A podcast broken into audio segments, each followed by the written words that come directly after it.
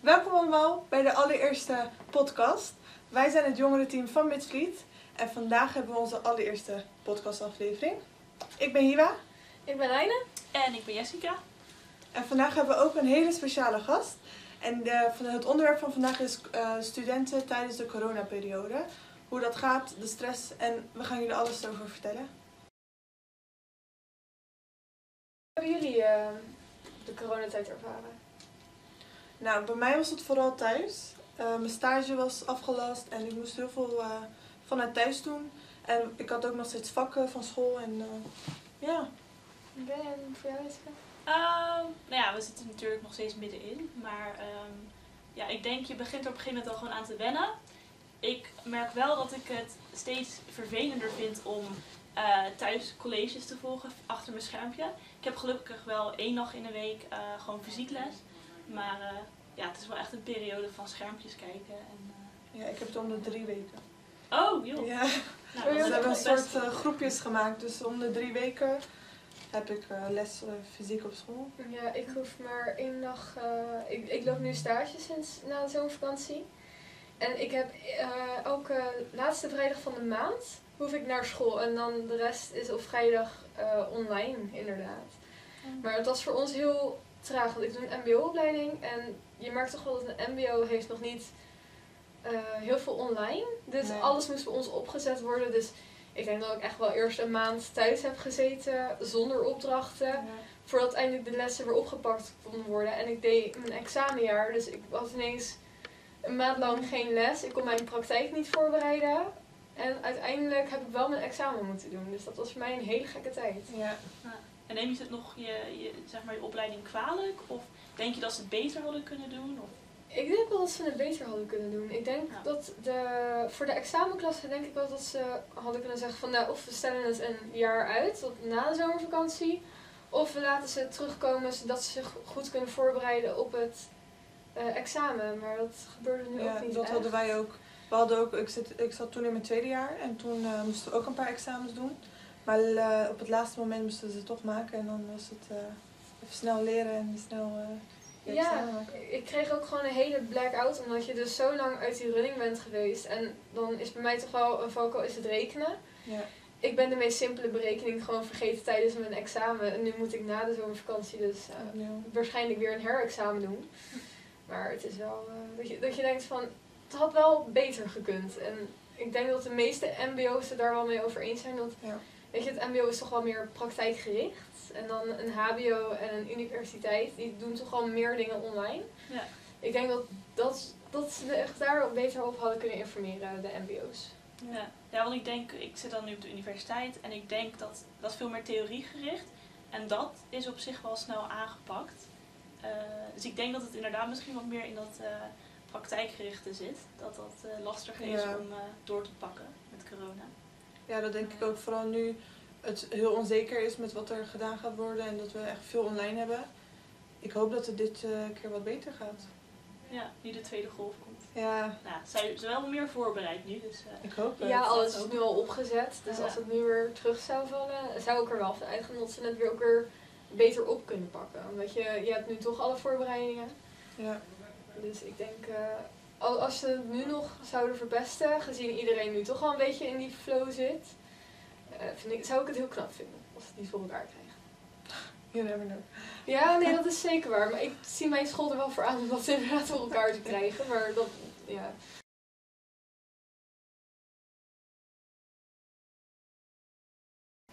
Ik had het net over een gast. Vertel eens wat over jezelf. Ik ben eh, Joost Jong. Ik ben eh, medeoprichter van eh jongleren.es. En wij zijn een bedrijf dat drie belangrijke takken heeft. Stagebemiddeling en onderwijsprojecten. En die organiseren wij in Spanje, in Malaga, in de omgeving van Malaga. En eh, daarnaast doen wij ook studentcoaching. En dat doen we met name online voor ehm, eh, nou, met name Nederlandse studenten. Ja. En uh, nou ja, goed, daarnaast ben ik vader van twee kinderen, 21 en 19 jaar oud. Oh. En die, zijn, eh, die waren 9 en 7 dat ze naar Spanje eh, gingen, dus eh, Nederlands opgegroeid. Maar inmiddels zijn het halve Spanjaarden. En die studeerde ook daar? En mijn zoon die werkt en mijn dochter heeft in Nederland gestudeerd, Oh, afgelopen jaar. En die is tijdens corona is die teruggekomen. En eh, heeft wel de propenduizen gehaald. Oh, Maar heeft nu besloten om eh, een tussenjaar te nemen. Oké, ja. Ja, dus eh, nou ja, dat is, dat is hoe ik erin zit. En, Ja. eh, En hoe merkte je eigenlijk tijdens toen de corona net begon? Alle studenten die via jullie naar Spanje was gegaan, hoe ging dat? Ja, dat, dat, dat ging natuurlijk met horten en stoten. Dat was, wij, hadden, wij hadden op dat moment ehm, eh, twee groepen lopen zelfs. Mhm. Dus eh, nee, wa- ik geloof even uit mijn hoofd dat rond de 70 studenten in stages lopen. En we hadden twee groepen eh, studenten eh, voor projecten.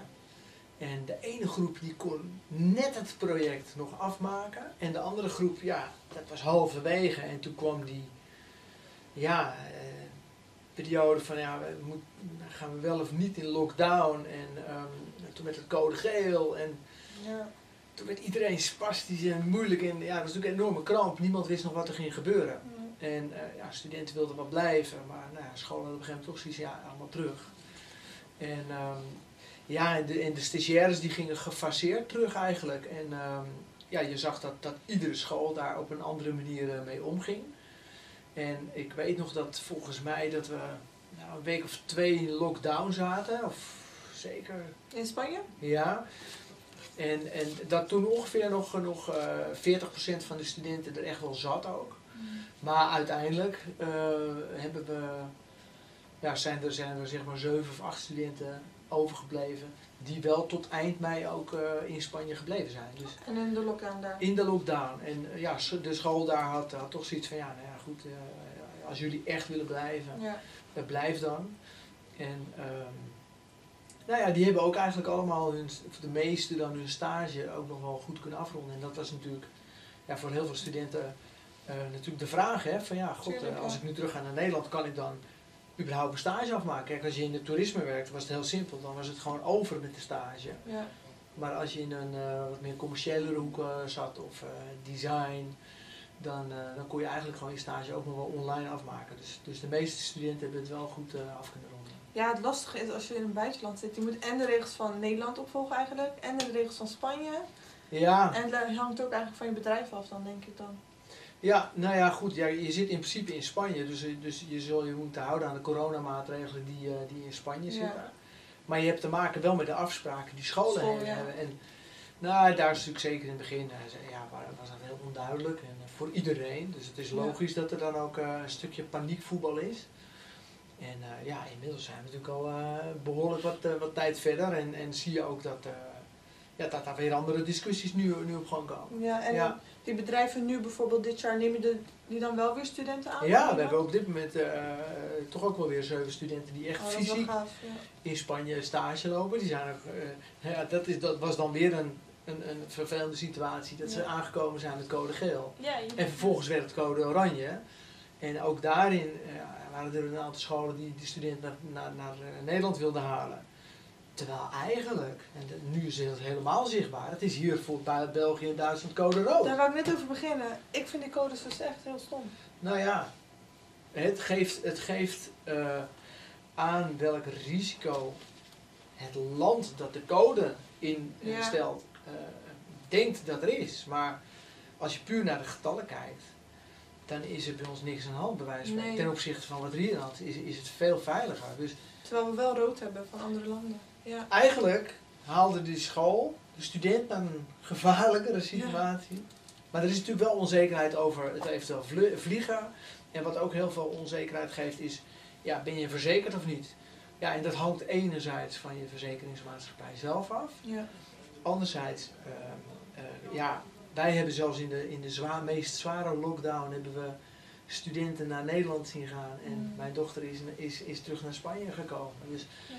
dat, dat- uiteindelijk kom je altijd wel terug. En dat hoeft ook helemaal niet zoveel geld te kosten. Dus, dus dat kan. Dat, en dat is, ja, weet je, wij, wij zitten daar ook. We weten wat er speelt. En dat Ja. is ook een stukje veiligheid wat we natuurlijk bieden op het moment dat je daar bent. Ja.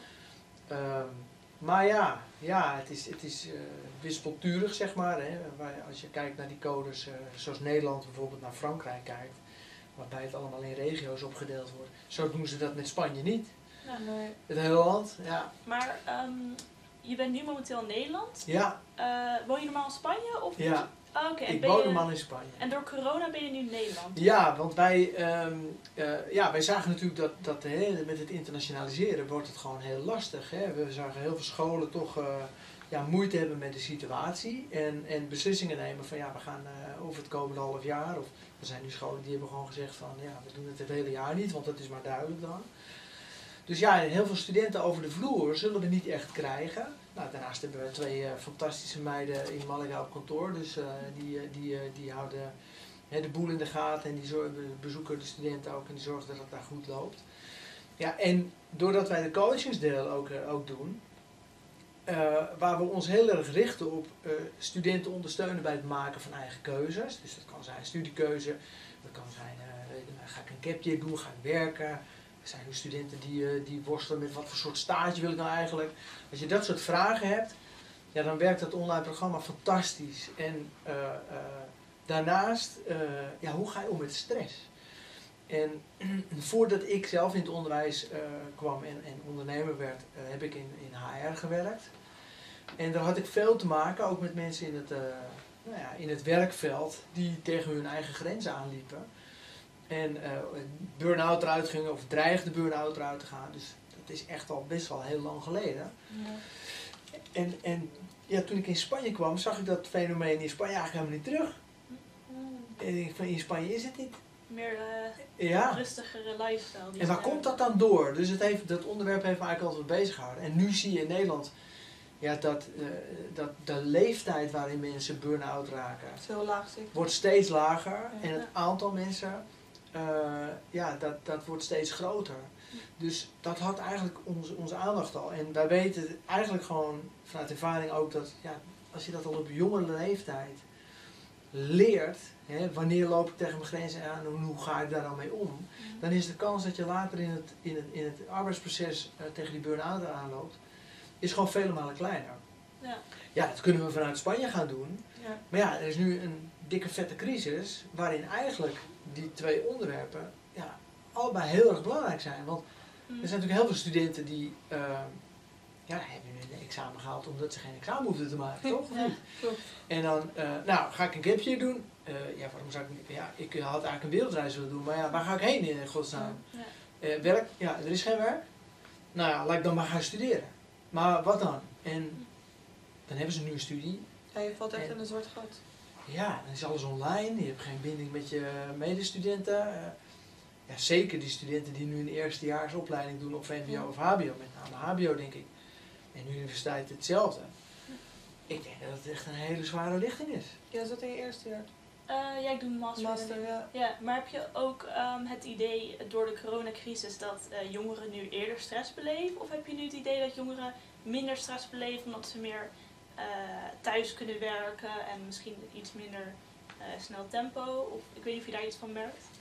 Nou, ik heb geen onderzoek gedaan naar meer of minder. Ik kan wel vertellen wat, wat de verhalen zijn die wij horen. En ehm, eh, die zijn soms echt enorm schrijnend. En, en juist ook verhalen van studenten die zeggen... Ja, ik vertel het eigenlijk mijn ouders me niet, maar ik voel me echt gewoon echt vet waardeloos. Ik ben gewoon depressief of tot en met eh, eh, anorexia wat optreden. weet je wel. Dus, en dat is niet bij iedereen zo. Natuurlijk is dat niet bij iedereen zo. Wat, wat jij zegt van ja, je kan ook denken van... Hoppa, ik heb dat school gewoon echt helemaal lekker niks gevonden. Ik kan die hoorcolleges lekker vanuit eh, Ja. mijn kamer doen. Maar ja, ik was gisteren op een hogeschool. En wat mij echt het meeste bij zal blijven, dat zal ik toch niet snel vergeten. Wij zaten in gesprek met een docent. En daar kwam een andere docent uit een les. Nou, die man die flow. Die was zo blij. Hij was zo gelukkig. Dat je, ja, dat schoolgebouw was helemaal leeg. Dus er liep bijna niemand. Maar die man die was zo blij dat hij gewoon les had kunnen geven. En wij gingen weg vervolgens. En toen kwam een docent aan die net ging lessen. En die had ook zo'n big smile. Ja, ik heb zelf zeven jaar in het onderwijs gewerkt. En ik was eigenlijk ook nog best wel vrolijk. Maar niet zo. Maar dit was opvallend. Het was opvallend. En dat is wat wij horen, dat ook, ook veel studenten ja, nu een hele andere beleving hebben van een school. En ze zijn blij. Ik, ik, ik denk ook dat, je, dat jullie Ja. eigenlijk wel blij zijn dat je even lekker weg mag. Ja, zeker. En die lessen die beleef je toch gewoon anders als dat je ja, 40 uur lessen krijgt bij wijze van spreken in de week. Ja. En, ehm, Ja, je gaat het meer leren waarderen. Ik waardeer het nu echt als ik naar eh, college kan. ja, En ook weer mensen zie. Dus eh, het is misschien ook wel goed eh, ja, voor je besef dat, eh, dat het ook wel bijzonder is dat je gewoon naar school kunt gaan en kunt leren. Ja. ja, En dat, ja, dat door corona ben ik dat wel echt een soort van extra gaan waarderen. ja, dat denk ik ook. Ja. Dat denk ik ook. En eh, nou ja, goed, dat, datzelfde geldt dus voor docenten. Die merken van jeetje, ja, dat, dat, dat echte face-to-face contact met studenten, dat is zoveel krachtiger. Dat, dat, eh, ja, dat is waar ik me over voor, voor oplaad ook. En van de andere kant, ja, spreken we ook docenten die zeggen van ja, bevlogen docenten, die wij ook in Spanje aan het werk hebben gezien, denk ik, wauw, dat zijn toch echt leuke, leuke, leuke docenten om te hebben ook. Die merken van ja, ik krijg geen energie meer. Ik, ik, ik, ik merk dat het, ja, ook de studenten, die zijn, hè, als ze naar school komen, nu ook alleen maar gefocust op, eh, we moeten dat examen halen, ram, Ja. ram, ram, ram, ram. Eh, we mogen maar zoveel uur op school zijn en moeten weer weg, want dan eh, moet het gebouw weer leeg of whatever. Ja, dat is niet leuk. En ja, op het moment dat die flow minder is, ja, dan, dan merk je toch ook, gaat de student minder gemotiveerd worden. Dat is een visuele cirkel waar je niet eh, in wil komen, denk ik. Nee, maar ik denk ook dat docenten, of in ieder geval scholen, meer met de leerling moeten communiceren met hoe gaan we de online lessen doen. Mhm. Als een online les om half negen begint, net als wanneer jij gewend bent, is het toch wel anders dan als Ja. je, wanneer je thuis bent. Ja, dat is Ik het merk bijvoorbeeld heel erg, als ik van half negen tot twaalf lessen heb, dan denk ik na twaalf uur van ja, wat moet ik nu doen? Ja, Ik heb eh, bijna niks meer te doen. ja, Terwijl als het van 12 tot eh 3 uur of 4 uur is, dan heb ik er wat meer aan bijvoorbeeld. ja. Maar het wordt nu echt heel erg van de ochtend gedaan. Ik weet niet hoe dat bij jou is. Maar Ehm, nou, het valt me eigenlijk wel mee hoeveel colleges ik online heb. ja. Ehm, ik heb bijvoorbeeld één vak en dat eh, wordt opgenomen, de colleges. ja. Ehm, want dat is een docent die zit in België nu vast. Eh, dus die neemt het gewoon op met een powerpointje. En dat gooit hij altijd op woensdag gooit hij het eh, op onze online omgeving. En dan kan je het gewoon... Dus je hebt niet echt contact met de docenten. Nee, behalve op vrijdag heb ik twee eh, colleges achter dat elkaar. Oh. Ja, dus Nee, we hebben echt contact met onze docenten. Oké. Dat je ze echt ziet en Ja. dat je ze spreekt. Ja. Ja, ik moet ook eh, inderdaad inloggen. Dat is Ja, toch wel het verschil Ja, tussen echt mbo. Ja. Maar ik ook inderdaad van dat 9 eens, tot eh, 10. Kom eens Ja. even. Nee, Ja. ik heb, echt, ik heb echt online les nu van 9 tot 10. Ja. En dan denk je inderdaad ook echt van, jezus, wat moet ik met de rest van de dag? Eh, Kijk, voor mij is het nu wel lekker, want mijn stage begint elke ochtend of om half acht of om acht uur. Dus dan zit je heel erg in die flow. Als ja. ik nu mijn wekker niet zet, nou geheid, ik ben morgen om eh 7 uur sowieso wakker. Ja. Dat is de tijd waar ik normaal in de auto zit. Ehm, maar vooral toen die coronacrisis net was begonnen, toen had ik heel veel moeite om structuur te vinden in mijn dag. Ja. En dat leverde mij heel veel stress op, omdat ik ook gewoon niet meer. Ik mis het een, op één contact met mijn docent heel erg, omdat ik soms net wat extra vragen heb. En ik vind Ja. het toch moeilijker om te stellen in een online lesomgeving. Ik vind dat die drempel die ligt wel echt veel hoger bij mij. Bij ons is dat wel anders. Ja. ja. Dus ja, ik, ik denk ook wel dat. eh, dat- ik, wel, ik ben wel echt heel erg blij dat ik morgen is en dan eindelijk mijn eerste lesdag weer op school. Ik denk dat ik echt gewoon mijn vlag uit kan hangen. dat Ja. ik echt. eh, want inderdaad, wat je zegt, van, dat je de docenten weer vrolijk ziet worden. Ja. Omdat ze. Ja, dat denk ik zeker. Eh, je weet je, het gaat uiteindelijk ook, eh, ook over ja, die energieuitwisseling, denk ik. En weet je, des te, des te eh, leuker lessen zijn, eh, des te geïnspireerde docenten zijn, des te leuker de lessen zijn uiteindelijk om te volgen ook. En des te beter jij leert. En Ja. eh, nou ja, het zit hem ook in de afwisseling. En je hoort hier eigenlijk wel een heel duidelijk verschil tussen ja, wat je dan op de universiteit Ja. krijgt en het mbo. Dat is ook logisch, want het is natuurlijk toch ja, een ander type onderwijs. Ja, absoluut. En, Een ehm, MBO, daar heb je toch al gauw. Nou, daar is jij hele opleiding bestaat uit contacturen. Daar heb je eigenlijk weinig tot geen zelfstudie. Nee. En dan kom je op een HBO en dan wordt het Ja. al een stuk meer. En een universiteit is dan toch al veel meer eh, zelfstudie. Dus de noodzaak dat jij als mbo-student ja. zelfstandiger wordt, of een meer zelfredzaamheid laat tonen, ja, die is vele malen groter. Ja, en, en kan iedereen daar nu mee omgaan? Dat is de vraag dus. En dat, Ja. dat zie je. Dat, ja, ik, ik, ik heb zelf een aantal keren in lessen ben ik uitgenodigd geweest als gastspreker. Ja, dan zie je al die camera even op, op, op mute of eh, zwart. Of, Ja. ja, ik kan me voorstellen dat je als docent daar toch dan ook op een gegeven moment niet zo heel erg eh, blij van wordt als jij les geeft online, zoals je dat fysiek gewend bent te doen. Ja, en daar, daar valt denk ik wel heel veel te halen. En dan is inderdaad een docent, wat jij net zegt ook, ehm, van ja, die, die, die neemt filmpjes op, die heeft powerpoints, et cetera. En, dan, hè, en je gaat Ja. dan een dynamiek creëren, ja, dan is dat, wat, dan is dat anders. En nou ja, dat gesprek willen we eigenlijk in die zin ook graag, eh, graag aangaan. Dat is de reden Ja. waarom we hè, in Nederland zijn. We hebben, we hebben een, eh, een, een de Holland Kindness Pandemic Tour hebben we het eh, genoemd. Wat leuk. ja. Waarom als idee van, ja weet je, corona is natuurlijk een, een virus wat negatief is, hè, dat, dat, daar word je ziek van. Ja. Maar we kunnen ook een virus creëren wat positief is. En waardoor mensen gaan luisteren naar elkaar, wat meer begrip tonen voor elkaar. En dat we gaan kijken naar ehm, waar ligt kans om dingen anders te doen. Hè? En dat, dat, dat, dat geldt voor ons doordat we veel in gesprek zijn met studenten. Ook willen luisteren naar studenten. Kom maar even met dat rot verhaal. Kom maar even met je bagger, weet je wel. Wij willen er naar luisteren. Misschien vinden je ouders niet fijn, misschien vinden je medestudenten niet fijn. Wij willen er naar luisteren. Ja. Dus het kan opluchten. Van de andere kant heb je ook tools nodig. Eigenlijk wat jij ook zegt. Ja. Ik wil mijn dag gewoon even wat meer structuur bieden. Ja. Hoe, hoe, hoe doe ik dat dan? Nou, vaak eigenlijk echt wel ideeën. Alleen heb je net hulpmiddeltjes nodig om daar te komen. Ja. Nou, dat, is, dat zijn dan de programma's die we bieden.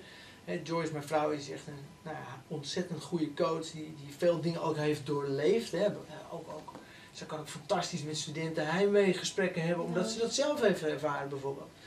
Nou goed, daarnaast zijn we in gesprek met, met docenten. Om ook na te kijken ja, hoe kan je die les nou net even wat leuker maken.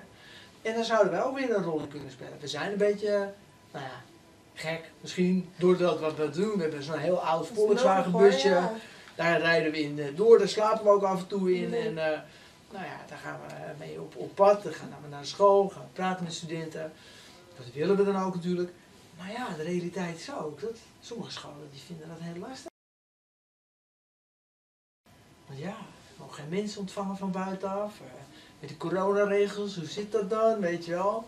Ja, doe je dat wel, doe je dat niet? Maar ik denk dat zo'n concept wel echt nodig is. Want sinds het begin heeft iedereen gehad van... Oh, daar gaan we weer. Weer een persconferentie. Of weer... Als je door het nieuws Ja. scrolt, zie je alleen maar corona, corona, corona. Alleen maar de slechte kanten. Terwijl Ja. studenten ook zoiets hebben van... Wij willen ook de leuke kanten. Tuurlijk. Wij willen ook onze vrienden spreken. Wij Ja. willen ook nog onze lessen volgen. Gewoon. Ja. En je wilt toch wel die positieve kant horen. En ook van docenten die niet zeggen van... Ja, we weten niet wanneer de school opent. We weten niet wanneer... Oh, dit en dat. Dat bleef je maar horen. Echt maanden. Ja. En ik denk dat zoiets, dat het toch wel leuk is om even te- Tuurlijk. uit te luchten. En dat, is denkt, het ook. En Ja, Kijk, eh, ja, doordat we natuurlijk met veel eh, verschillende scholen, hè, ook, eh, nou ja, ook, ook- ook met mbo-scholen, hbo-scholen, universiteit zijn we nog niet geweest. Maar ehm, ik denk dat dat redelijk te vergelijken is met wat er op de hbo-scholen gebeurt. Ja, je ziet heel veel verschillen. ja. Heel veel verschillen. En ja, het doemscenario vind ik dan echt van, van, van die docent. En dat gaf je ook al van, ja, ze moesten wennen natuurlijk in één keer online. Ik vond het echt fantastisch om te zien hoe het onderwijs als sector eigenlijk in een hele korte tijd. Nou, liet zien van, ja, Ja. we gaan er gewoon voor. Ik vind het we ook gaan nodig, lessen want- geven. En, Heel veel eh, studenten bijvoorbeeld die chronisch ziek zijn of een bepaalde beperking hebben, waardoor ze fysiek niet in staat zijn om naar school te komen, die konden nu eens wel Precies. lessen volgen. Ja, en ineens wel studies doen die ze misschien al jaren wilden doen. dus, Dus ik precies. vind het ook wel weer even een goede wake-up call voor het onderwijs om te laten zien van. ehm, want ik ben zelf ook chronisch ziek en ik vind het dan wel heel mooi om te zien. eh, zeg maar, je ziekte is niet wie je bent. Het is, maar het is ook niet per se iets wat je achter hoeft te houden, en wat je tegen hoeft te houden. Want er is zoveel meer mogelijk. Alleen mensen die vaak niet eh, de ziekte zelf niet ervaren of zelf dat beeld niet goed kennen, eh, zijn heel erg geneigd om dan zeg maar, een soort van medeleven te tonen. Ja. Dus en dan heel gauw te vragen van gaat het wel? Kun je Ja. het wel aan? Ja. En eigenlijk laat het gewoon zien van joh, maar dit was hetgene wat we even nodig hadden. Dit was wat er moest veranderen. Want dit zorgt ervoor dat die studenten die niet in staat zijn om fysiek naar de lessen te komen, of misschien niet altijd bij elke les aanwezig zijn, om toch ook vanuit huis lessen te volgen. Ja. En ja, nu is die investering er toch al in geweest. Laten we hem vasthouden. Nou, dat zie je. Laten we iets Noodzaak- positiefs ervan maken. Noodzaak leidt vaak tot enorme verandering, die vaak ook heel positief is. En nou ja, dat, dat, dat zie je. Alleen, er zijn best wel veel docenten eh, die, die, die ook heel veel moeite hebben gehad om dat tempo bij te benen. En toch zoiets hadden van, ja, die zomervakantie. Ja, en dan hoop ik dat we in september gewoon weer kunnen gaan. Ja, en dan, dan, dan, dan blijkt nu dat het in één keer toch wel weer erger wordt. En Ja. ja, die zijn er ook. En daar zie ik, althans heb ik geleerd door de gesprekken, dat sommige scholen echt heel duidelijk hebben gekozen van oké, dit geeft een kans om het onderwijs te vernieuwen. Dus wij gaan nu door en we gaan gewoon kijken naar oké, hoe kunnen we dit voor misschien zelfs wel de langere termijn als een soort van oplossing zien. Ja, en scholen die zeggen, ja, nou ja, nee, dit vinden wij toch te lastig. We, kijken, ja, kijken, oké, dit gaan we op deze manier nu doen tot december. Ja, en dan gaan we daarna gaan we weer verder kijken. Dus dat zie je ook heel erg. Die, en, en daar zit natuurlijk van alles tussenin.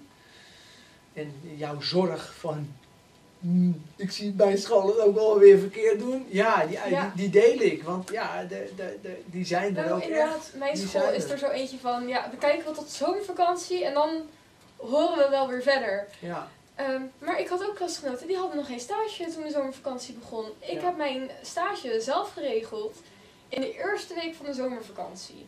Ehm, mijn school had een gigantische lijst met, dit zijn stagebedrijven waar je uit kan kiezen, hier hebben wij contacten mee, dit kun je bellen. ja. Het bedrijf wat ze voor mij hadden uitgekozen. En mijn docent heeft. Ik heb vijf keer mijn sollicitatiebrief opgestuurd. Vijf keer is die afgewezen. De zesde keer gaf ze eindelijk groen licht. Mocht ik hem opsturen, had het bedrijf al twee stagiaires. Ja. Nou, ik wanhopig, want ik had van, ik moet voor zo'n vakantie stage hebben, anders kan ik het schieten. Twintig bedrijven gebeld op die dag. Ik overdrijf niet eens. Ik echt twintig bedrijven gebeld, gemaild, gedaan. Eén bedrijf die gaf me een misschien. Dat bedrijf daar loop ik no stage. Ehm, maar dat allemaal geregeld in de zomervakantie zonder hulp van docenten. Er was één docent die leesde één keer in de week haar mail. Daarmee heb ik afspraak kunnen maken in de vakantie om mijn stagecontract te laten ondertekenen. En de rest reageert gewoon niet. Wat ik snap, want je hebt natuurlijk gewoon recht op je vakantie. Mhm. Maar ik heb ook zoiets van, normaal in aanloop van je stage, dan twee, drie maanden daarvoor krijg je sollicitatietrainingen, krijg je eh, lessen, eh, voorbereiding erop. Je gaat kennismaken met bedrijven. Ja. Dus die contacten worden veel beter gelegd. En nu werden we eigenlijk, vanuit mijn perspectief was dat, eh, werden we een beetje aan ons lot overgelaten. En dat vond ik wel heel moeilijk. En toen hoorde ik eigenlijk van, ja, we weten nog niet hoe het gaat eruit zien na de zomervakantie. Dat zien we dan wel weer. Toen dacht ik van, oh nee, dat meen je niet. Hè. Dus ik kreeg ook echt de dag dat ik op stage ging. Het is dat ik mijn docent zelf een mail had gestuurd met van joh, mijn stagebedrijf wil ook 1 september beginnen en niet 31 augustus. Mag dit? Ja, geen probleem. Nou, toen zei ik van ja, wat is nu de bedoeling? En toen heeft ze er een mail uitgestuurd met joh, eh, we gaan online lessen geven voor op de vrijdagen. Jullie hoeven niet fysiek naar school te komen. Ehm, dat is pas de laatste vrijdag van de maand. Maar wat ik ook een grote nadeel vond tijdens deze corona is dat ik denk wat ook grotendeels komt waarom heel veel leerlingen stress hebben. Je moet dit, je moet dat en je ziet gewoon geen licht, zeg maar. Bijvoorbeeld stel dat jij niet je stage had gevonden voor de zomervakantie, dan denk jij meteen van, oh ik mag niet over, oh ik kan mijn diploma niet halen. Nee, klopt. Toch? Mijn school had hiervoor een eh, heel goed beleid. Dat kan nu helaas niet, maar dat was dan op het moment dat jij niet op stage ging, mocht je TOA-werkzaamheden doen. Dat is dus gewoon in het laboratorium van de eerste, tweede en derde jaar ga Mhm. jij helpen chemicaliën klaarzetten voor de Ja. proefjes, eh agarplaten gieten die ze kunnen gebruiken. Ehm, en dat hebben ze dus afgeschaft vlak voor de zomervakantie, dat dat niet meer kon. Niet meer voor stageuren. Dus je moest het wel gaan doen omdat je dan een blokrooster had. Maar dat werd niet meegeteld in je stageuren. Dus Ja, dat zeg dat ik drie weken lang TOA-werkzaamheden heb gedaan.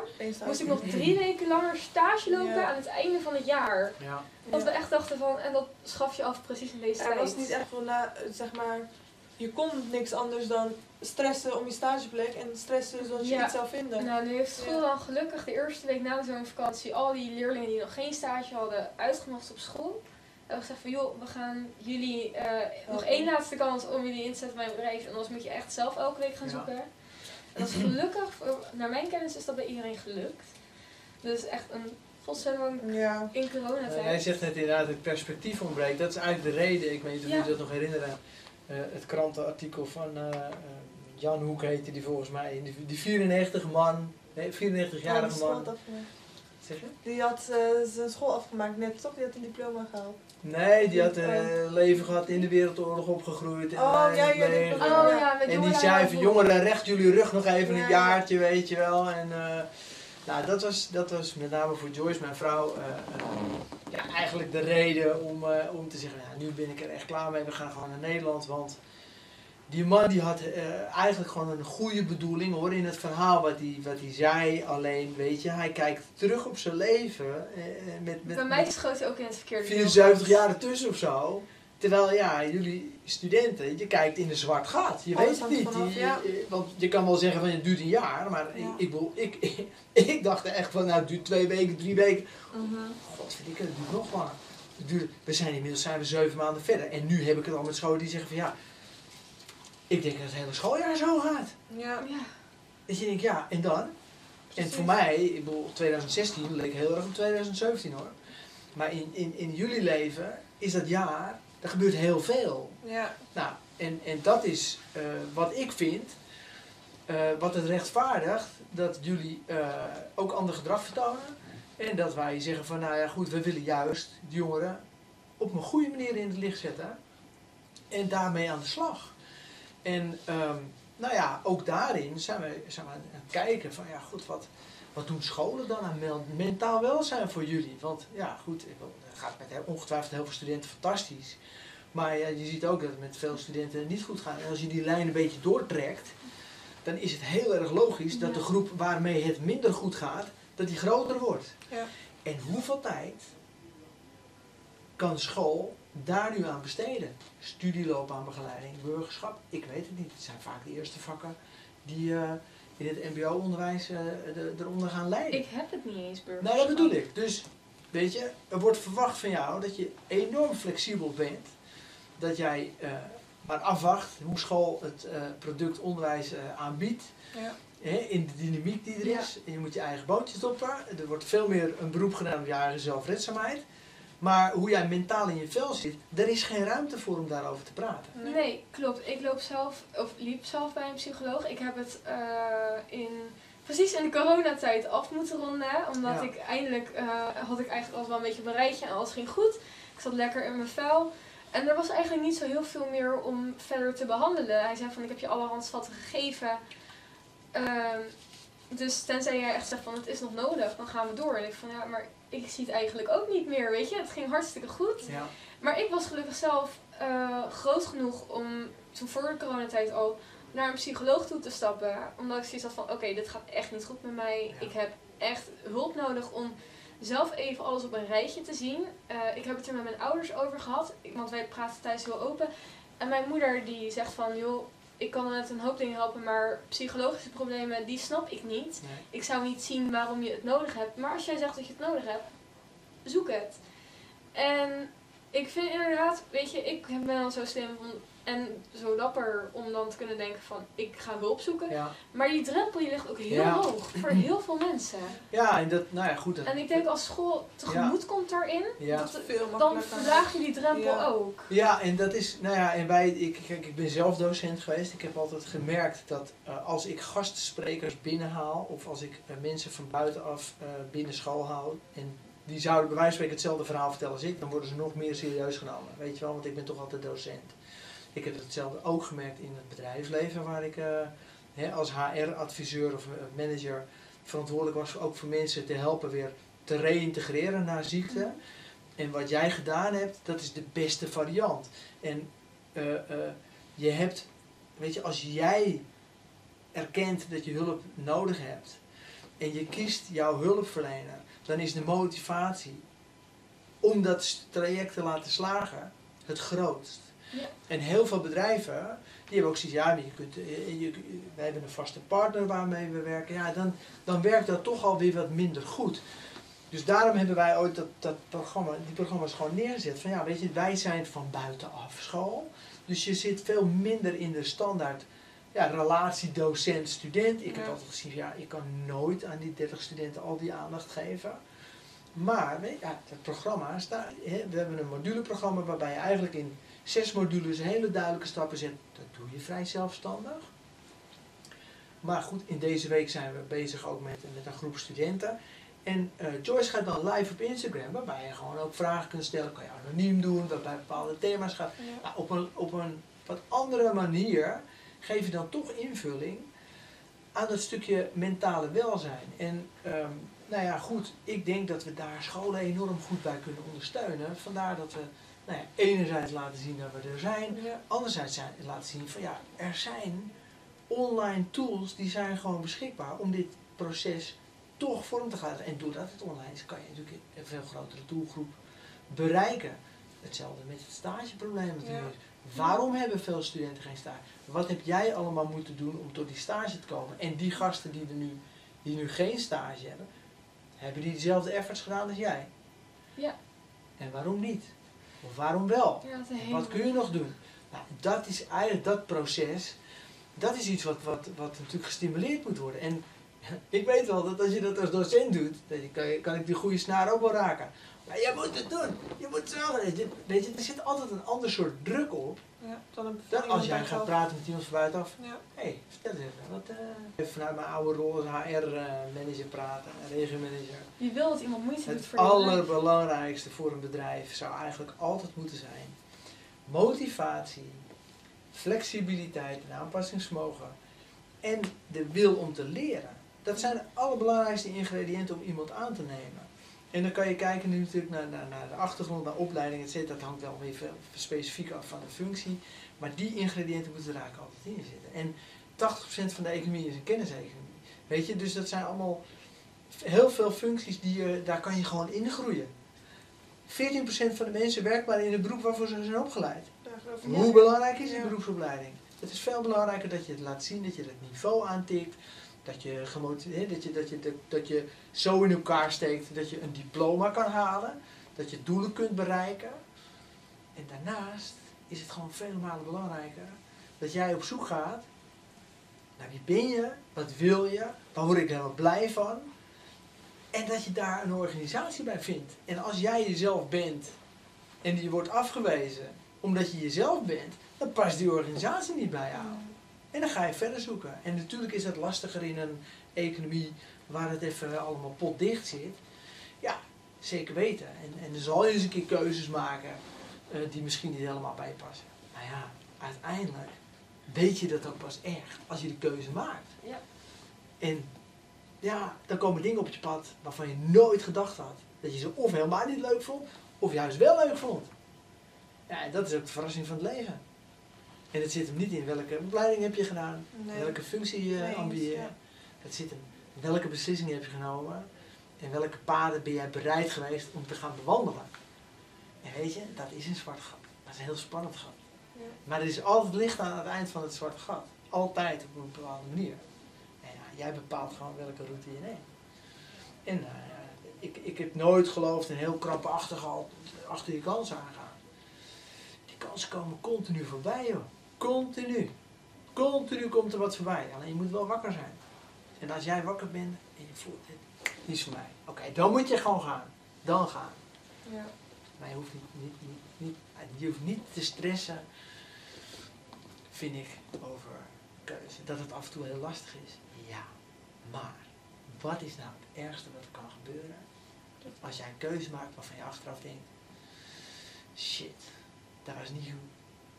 Ik denk dat het alleen maar erg kan zijn als je te lang bij die keuze vast blijft en als je al weet dat het niet meer leuk is en Ja. er vast in blijft hangen dat het een makkelijke keuze is. Je leert er altijd Ja. van. Kijk, ja, en, dingen meenemen.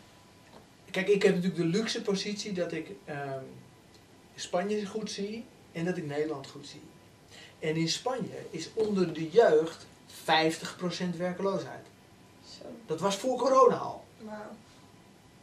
Dus dat is een heel andere situatie. Dus er is 25% werkloosheid in totaal in de, in de beroepsbevolking. Kijk, zoals ik het altijd zeg, als jij gewoon een rotbaas hebt in Spanje, maar je hebt een baan, dan ben je blij dat je die baan hebt. Die rotbaas, nou ja, die neem je dan voor lief. Als jij in Nederland een baan hebt en je hebt een rotbaas, dan zijn er altijd tien andere banen Ja, dat. Waar je misschien geen rotbaas hebt. Ja. En dan vraagt het de guts om te zeggen, rotbaas, doei, ik ben weg. Ja, we Maar- hebben hier veel en- luxe Ja, onderhandelingspositie. maar te veel mensen doen dat niet, want ja, stel je voor dat ik die baan niet krijg. Ik heb toch wel best wel een redelijk salaris. Nou, en dan leg je je geluk in handen anders, van die ja. rotbaas.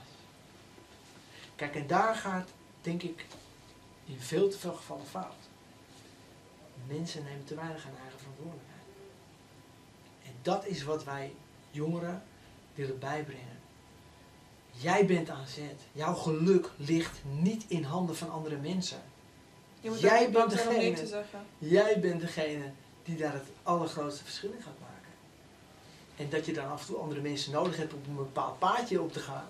Yes, true. Maar jij bent degene die het uiteindelijk moet doen. Jij bent degene, voetballer, die de bal moet schoppen. Altijd weer. Altijd weer. En dat vraagt gewoon guts. En dat vraagt gewoon af en toe lef. Ja, en eh, ja, nou goed. Daar kan, je, daar kan je af en toe eens even een handje bij, hulp, eh, hulp bij krijgen. Dat willen docenten ook graag doen. Maar jij moet wel zelf op je bek kunnen gaan. En even eh, naar jouw docent. Ik weet niet of jij op je bek gegaan bent door de acties van jouw docent. Ehm, ik denk zelf dat ik er echt alles aan heb gedaan om het te doen. Dus ik heb ook echt op een gegeven moment gedacht van... ehm, weet je, want ik mocht officieel ook nog niet bellen naar de bedrijven. En toen was van, weet je, nu ben ik er zo klaar mee. Ik Ja. naar jou luisteren en nu ga ik zelf bellen. Ja. Nou, en toen ben ik er dus wel terecht gekomen. Dus En in mijn optiek is het veel krachtiger als jij jouw. Oké, dat je me één, één keer laat corrigeren, Allah. Maar daarna had ik altijd zoiets van: ik heb je het vak heel vaak gegeven, stuur maar. Ja, En dan word je afgewezen. Dan moet je wel even gaan vragen waarom je afgewezen wordt. ja, En als een bedrijf dan zegt: ja, maar ja, je hebt een brief waar gewoon 25 taalfouten in zitten, dan is dat veel krachtiger dan dat die docent dat zegt. Absoluut. Dan ben ik het helemaal En als, die, als, als het bedrijf zegt, ja, leuk, maar je moet je wel even verdiepen in het bedrijf voordat jij het brief stuurt. Want nu heb je een, een kopietje gemaakt van een standaard brief of zo, maar... eh, eh, oh, oh, dat is belangrijk. Dan, dan, en weet je, ieder bedrijf heeft weer andere nuances. Dus het kan ook nooit zo zijn dat jij één brief schrijft voor Nee. 20 bedrijven. kan nooit. Nee, dat want je niet. moet natuurlijk altijd je brief aanpassen op het bedrijf waar je wilt solliciteren. Dus eh, wil jij bij bedrijf A en die is gespecialiseerd in, nou noem iets, eh, in verf, dan ga je natuurlijk een hele, een hele brief schrijven op verf. Maar ik ken een kleurenpalet. ja, ja, weet je, op kleurenpaletten, dat je echt een passie Ja. hebt voor kleurenschema's en, En dat je dat leuk Op basis, vindt. da- weet je, op basis daarvan kijkt een bedrijf. Nou ja, een ba- wie, Ja. wil, wie wil een bedrijf aannemen? Iemand die enorm de moeite gedaan heeft om de perfecte sollicitatiebrief te schrijven? Of iemand Die kopieer Die laat zien dat het een mens is met gebreken, maar wel met gut feeling en met passie Ja, en die wil gaan? absoluut. Nou, Maar- zeg maar, hoe moeilijk is die keuze? Het is wel dat je vanaf school, vanuit school leert van je moet die perfecte sollicitatiebrief schrijven. Je moet Die bestaat hiermee niet. beginnen, Die hiermee. bestaat niet. Ja, maar je leert het wel en dat vind ik ook heel erg stom. Natuurlijk moet je, je, moet- je moet je dingen leren en zou Ja. je dingen moeten realiseren. Maar de perfecte sollicitatiebrief, één, die staat niet. En Nee. la- laat staan, die docent die kan nooit voor jou bepalen wat de perfecte sollicitatiebrief is. Die kan wel bepalen van, goh, herken ik jou hierin? Ja, Ben jij dit? En, nou goed, ga maar uitproberen. ja. Ga maar uitproberen. Ik bedoel, wat zijn de experts solliciteren? Dat zijn niet de docenten die al twintig jaar hetzelfde vak oefenen. Nee, inderdaad. Ik merkte ook wel dat de lat om te bellen naar bedrijven bij mijn klasgenoten echt gigantisch hoog lag. Terwijl ik echt zoiets heb van, er staat niet voor niets een telefoonnummer bij.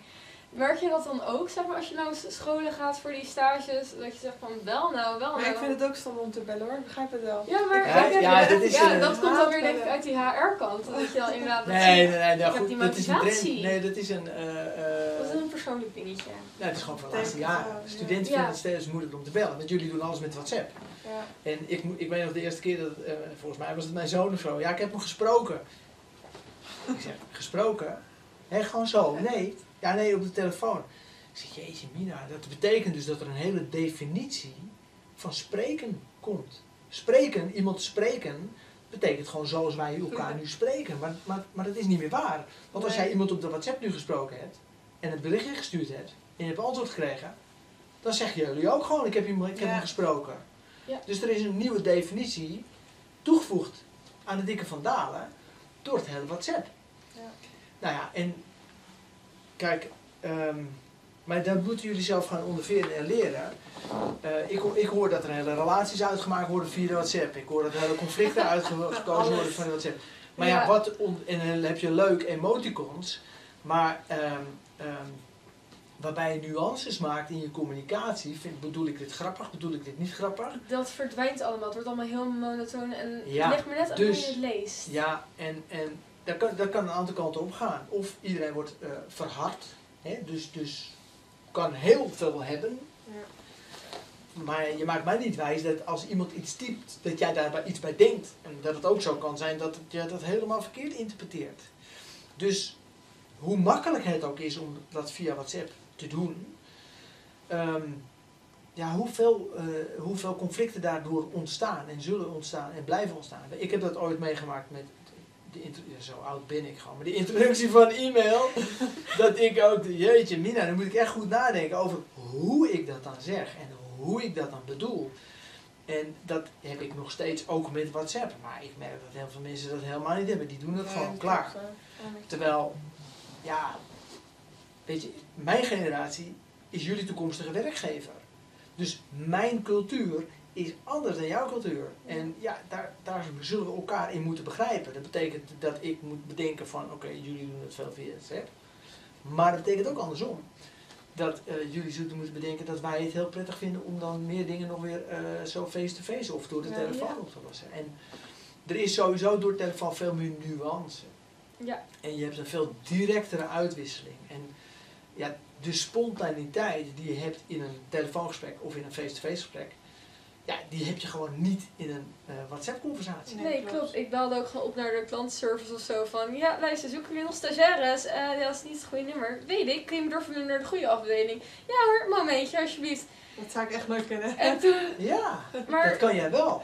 Oh, Ja, maar het is wel natuurlijk een kan je dat. Natuurlijk kan je dat. Waarom zou je dat niet kunnen? Ik weet niet, ik heb echt eh, met bellen, ik, ik heb er niks mee. Zou je het wel willen kunnen? Nee, ik zit wel goed hoor. Nee, ik vind het heel leuk om te mailen, ik weet niet. Ik Het denk is dat gewoon- Maar krijg je er een vervelend gevoel van als je belt dan? Word je Ja. zenuwachtig? Ja, Een rotgevoel, hè? zelfs als is moet bellen, ik er gewoon niet van, ja. Zou je van dat rotgevoel af willen? Nee, eigenlijk niet. Ik heb er niet... eh, Dus jij wil je rot voelen? niet. Oh, ja, Ook als mijn vriendinnen me bellen, zeg ik bel me niet, dan Ja. bericht ik ze terug. Oké. Ja, Ja. ik weet niet. Ja, maar dit is wat veel studenten dus hebben. Maar Ja. sterker nog, ook veel studenten die marketing en sales en zo kiezen. Ja, dat bedoel ik. Want hoe, hoe denk jij Ik moet het. dat je, maar ja, wat is wat, weet je, met marketing zou je toch ook contact moeten leggen? Ja, moet. Dat moet Alleen maar. precies veel relatie Ja. maar intern zou je Mhm. dat toch ook moeten doen. Ja. Dus ben jij dan bereid om elke keer dat rotgevoel te krijgen? Nee. Nee, dus Maar ik ben ik uit- wel steeds beter in. ja, ja, maar waardoor gaat het beter? School, stage. Ja, door, Ja. door het te doen. dus. Ja. Door het te doen. En weet je, dat is, dat is, ja, dat, dat, dat rotgevoel dat je krijgt, is eigenlijk gewoon één groot signaal. Ja. Van oké, en wat ga ik met het rotgevoel? Ga ik re- wegrennen voor het rotgevoel? Of ga ik het dwars? Ja. Gewoon opnemen. En dat, en dat kan je met op zo ontzettend veel situaties loslaten. Ja. En daar willen wij tijd voor maken. Om, om jullie daarmee op weg te helpen. Ja. Ik ga toch even zeggen wat ik wilde zeggen. Ik heb ooit een management training gehad. En daar, we kregen op een gegeven moment een hele riedel van uitspraken van foute managers. En degene die ik eh, eh, onthouden heb is... Ik heb het al tien keer gezegd en je doet het nog steeds niet. Ja, dat is heel... En waarom is het een foute eh, uitspraak van een manager? Die manager, die heeft natuurlijk de verplichting om te zorgen dat de mensen gaan doen wat hij wil. En als je merkt dat je dat op een aantal keren doet en ze doen het niet, dan betekent het dat je het op een andere manier moet proberen. Ja. Als jij het tien keer op dezelfde manier doet, dan... Heb je tien keer dezelfde fout Ja, gemaakt? dus als docent merk je dat natuurlijk ook. Dat, eh, dat je dan dingen zegt van, nou, verdomme, ik zeg het weer. Dus ik heb dit gebruikt, dit voorbeeld ook. Ik zeg, nou, hoe vaak heb ik gezegd dat je je mobieltje op moet ruimen, weet je wel? En je doet het niet. Ja, nou, ja, dan had ik het dus op een andere manier moeten zeggen. En door, door je daar bewust van te zijn, hou je jezelf scherp. En blijf je kijken naar je publiek. En blijf jezelf ook ontwikkelen. En dat is wat, wat jouw docent dan- dan dus ook doet. Je neemt de verantwoordelijkheid, jij neemt de verantwoordelijkheid als docent om het te managen. Ja. En dan, en dan nou ja, kan het op een gegeven moment zijn dat je kracht komt van ja, ik kan het niet meer. Maar dan is het misschien jouw vak niet meer. Stoppen, ja. Of iets anders doen. Of je, gaat, je, blijft, Ja. je blijft jezelf opnieuw uitvinden. En weet je, iedere generatie studenten, die, die heeft weer iets anders hoor. Moet je toch weer aanpassen. Want wat vorig jaar werkte, werkt dit jaar niet. Ja. Zo werkt het. Oké, eh, eindvraag misschien wel leuk om... eh, Eh, ja, misschien iets van hoe je de komende periode voor je ziet als Ja. Oh corona, ja. zeg maar. Ja. nou, wat, wat heb je tips, adviezen? Of hoe zie je zelf corona dadelijk? Ehm, ja, tips, adviezen. Ehm, jeetje. Ehm, blijf scherp. En blijf de, eh, de, de positieve kanten zien. Met name kijken naar de positieve kanten. En die zijn er echt wel. Die zijn er echt wel. Maar daarnaast is het vooral ook een hele leerzame periode, vind ik. Omdat er, er gebeurt zo ontzettend veel. En ik denk dat je, zeker als jongere, als student ook ehm, goed zelf, voor jezelf, conclusies moet blijven trekken. En ja, ik zie, ik zie dat er heel veel ehm, eenzijdige informatie ehm, eh, de wereld in gaat. En blijf zelf je onderzoek doen. Dat is eigenlijk wel een tip eh, die ik geef. Ik had heel graag nog het vak eh, ethiek gegeven.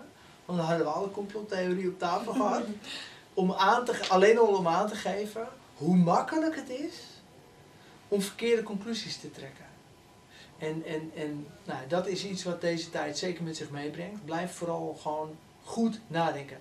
Als oud-studenten van mij dit horen, dan gaan ze enorm lachen. Want ik zou gewoon je boerenlogica gebruiken. Dat is een tip. Hoe zie ik het voor me als ik vanuit mijn eigen perspectief eh, ga kijken? Ehm, ik verwacht dat, dat, dat scholen een situatie gaan creëren die wat normaler wordt. En waarbij de, nou, het online lesgeven naast fysiek lesgeven ook wat eh, eh, meer eh, structuur gaat, gaat zijn, of structureel ingebed zal zijn. En voor ons hoop ik dat we internationale projecten kunnen gaan doen. En wij hebben, nou ja, hebben jullie net al wat van meegekregen. We hebben veel ideeën over ook hoe wij kunnen helpen het onderwijs net even een stukje leuker te maken. Door ja, wat bijzondere projecten eh, Ja. eh, te maken. En dat heeft één te maken met eh, mentaal welzijn. Maar ook met ja, hoe leuk zou het zijn als jij een week hebt waarbij jij met een Spaanse school of met een internationaal bedrijf een opdracht kan doen die je tegelijkertijd in kan zetten ter voorbereiding op je examen. Ja. Dan heb je een heldere context, op een heel andere manier werken. Nou, daar willen we graag in meedenken. En ik verwacht dat, dat daar de komende tijd ook meer ruimte voor gaat komen. Mega leuk. En waar kunnen de mensen je volgen? Wij hebben, eh eh jeetje mina, verschillende platformen. Eh jongleren.es, dat is de website. Yourjourney.academy, dat is de andere website. En dat is voor mental en... Ja, dat zijn meer de coachingsprogramma's. Daarna hebben we een Facebookgroep Holland Kindness Pandemic. En daar gebeurt alles op wat we nu aan het doen zijn. Ik, heb natuurlijk, ik weet natuurlijk niet wanneer de uitzending nou daadwerkelijk we geplaatst zetten wordt. ze allemaal in beeld. Ja, Ja. komt allemaal onder in beeld zo Ja. hier. Ja.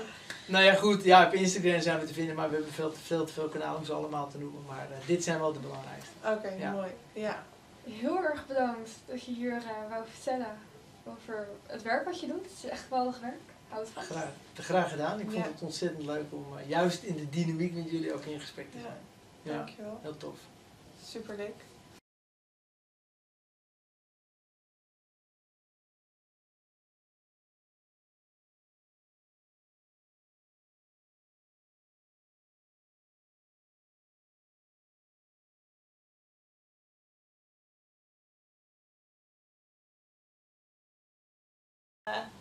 Hallo lieve luisteraars, Ehm, we zijn weer bij iets eh, nieuws aangekomen.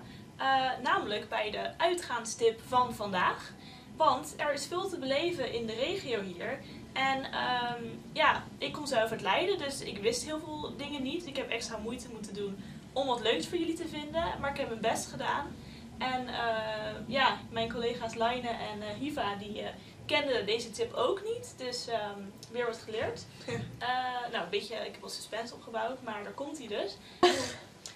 De uitgaanstip van vandaag is ehm, het Popcafé in Theater Ludens in Voorburg.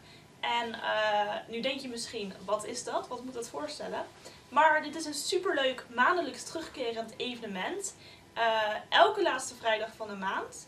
Eh, de eerstvolgende keer is op, op vrijdag 2 oktober. En eh, het houdt in, het zijn lokale bandjes.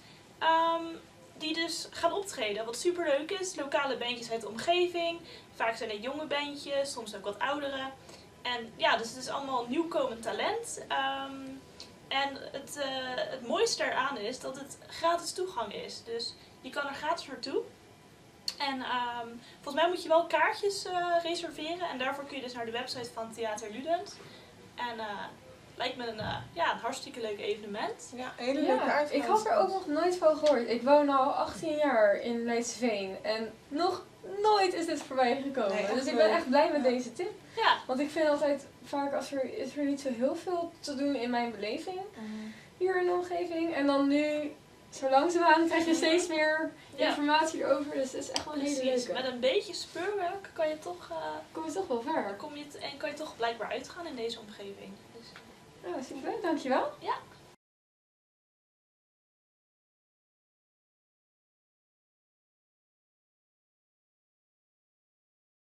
Mensen die hebben gekeken, dankjewel voor het kijken. Voor onze lieve luisteraars, hartelijk bedankt voor het luisteren. En eh, hopelijk horen, of horen jullie ons weer de volgende aflevering. Ehm, Hou onze Instagram in de gaten, want bij de volgende aflevering kun je meteen zien wanneer die online staat. Ja. En mocht je nog tips hebben of leuke ideeën, eh, stuur ons vooral een DM, zoals je Ja. het noemt toch, op Instagram. Of En, een eh, mailtje naar vlietkast Die zetten we nu ook in beeld. yes. En dan eh, tot de volgende keer. doei! Dag!